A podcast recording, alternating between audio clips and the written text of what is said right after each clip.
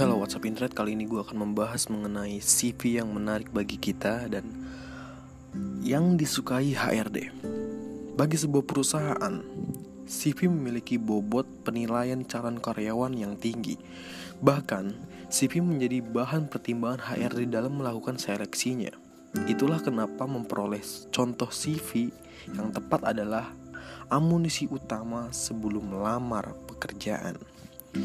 Selain surat melamar pekerjaan, CV juga menentukan nasib kamu loh. Apakah akan masuk ke tahap seleksi selanjutnya atau tidak? Itulah CV sebabnya, meskipun bagi banyak orang CV bukan hal yang asing. Contoh, CV yang baik dan mampu menarik perhatian perusahaan masih banyak dicari. Saya akan berbagi sedikit mengenai cara membuat CV untuk pemula. Saat ini ada banyak cara perusahaan untuk menentukan kandidat yang mereka butuhkan. Bisa melalui open recruitment langsung atau menggunakan online platform yang mempertemukan antara tenaga kerja dan pencari kerjanya. Di antara itu ya Indeed, Zora, Jobstreet, dan masih banyak lainnya.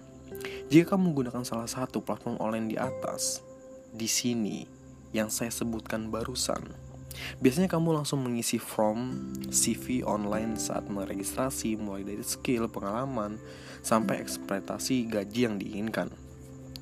Oke, langsung kita to the point saja, oke. CV yang banyak orang memilih kesalahan adalah Kesalahan umum teman-teman yang baru menulis CV pertama kali biasanya menulis semua pengalaman dan prestasi yang sebenarnya tidak relevan dengan pekerjaan yang dilamar. Poinnya adalah saat HRD mereview CV kamu, kuali kualifikasi kamu sesuai dengan yang dicari perusahaan atau tidak. Intinya di sana. So, langsung, to the, langsung saja to the point ya. Fokus pada halaman pertama CV dengan menuliskan pengalaman dan skill yang relevan dengan kuali kualifikasi posisi yang kamu lamar. Nah, di sini contoh satu CV sederhana itu uh, adalah Contoh daftar riwayat hidup sederhana pada bagian riwayat pendidikan pengalaman kerjanya juga, kamu tidak perlu mencantumkan tahun secara rincinya sekalipun, tidak usah. Cukup menyebutkan jenjang pendidikan dan nama perusahaan tempat kamu bekerja, oke? Okay? Dan yang kedua ini contoh CV untuk pekerja profesional. Ini yang paling penting. Pada dasarnya CV beri, berisi riwayat hidup singkat Ya, terutama menyangkut pengalaman profesional informasi di dalam CV harus lengkap meliputi identitas diri, pendidikan, keahlian, pengalaman kerja, dan informasi penting lainnya. Nih, tolong digaris bawahi. Hampir 90% CV dibuat untuk melamar pekerjaan sehingga harus memuat hal-hal penting dan menonjol tentang dirimu yang bisa membuat perusahaan tertarik. Apa saja itu? Yang pertama itu adalah hal-hal yang harus kita muat dalam CV kita yaitu profile, kontak, skill, experience, education, software. Saya akan menjelaskan yang pertama, profile. Itu menjelaskan dengan singkat atau satu kalimat kamu di bidang apa.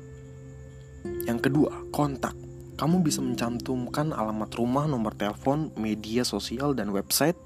Yang ketiga, skill. Buatlah list jika kamu memiliki lebih dari tiga skill di bidang kamu. Experience.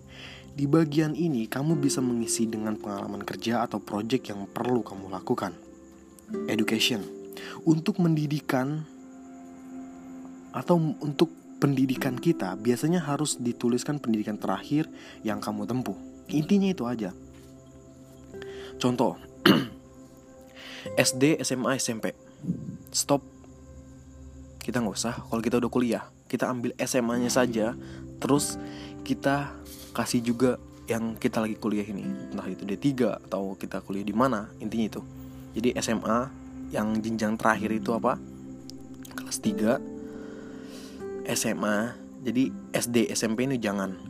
SMA-nya aja sama uh, apa D3-nya. Yang kedua, apa yang keenam ini software.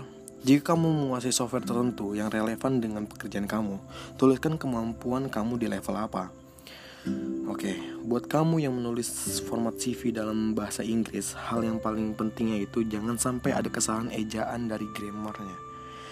Teliti sebelum kamu submit, kamu perlu baca berulang-ulang dan minta review kepada teman Anda.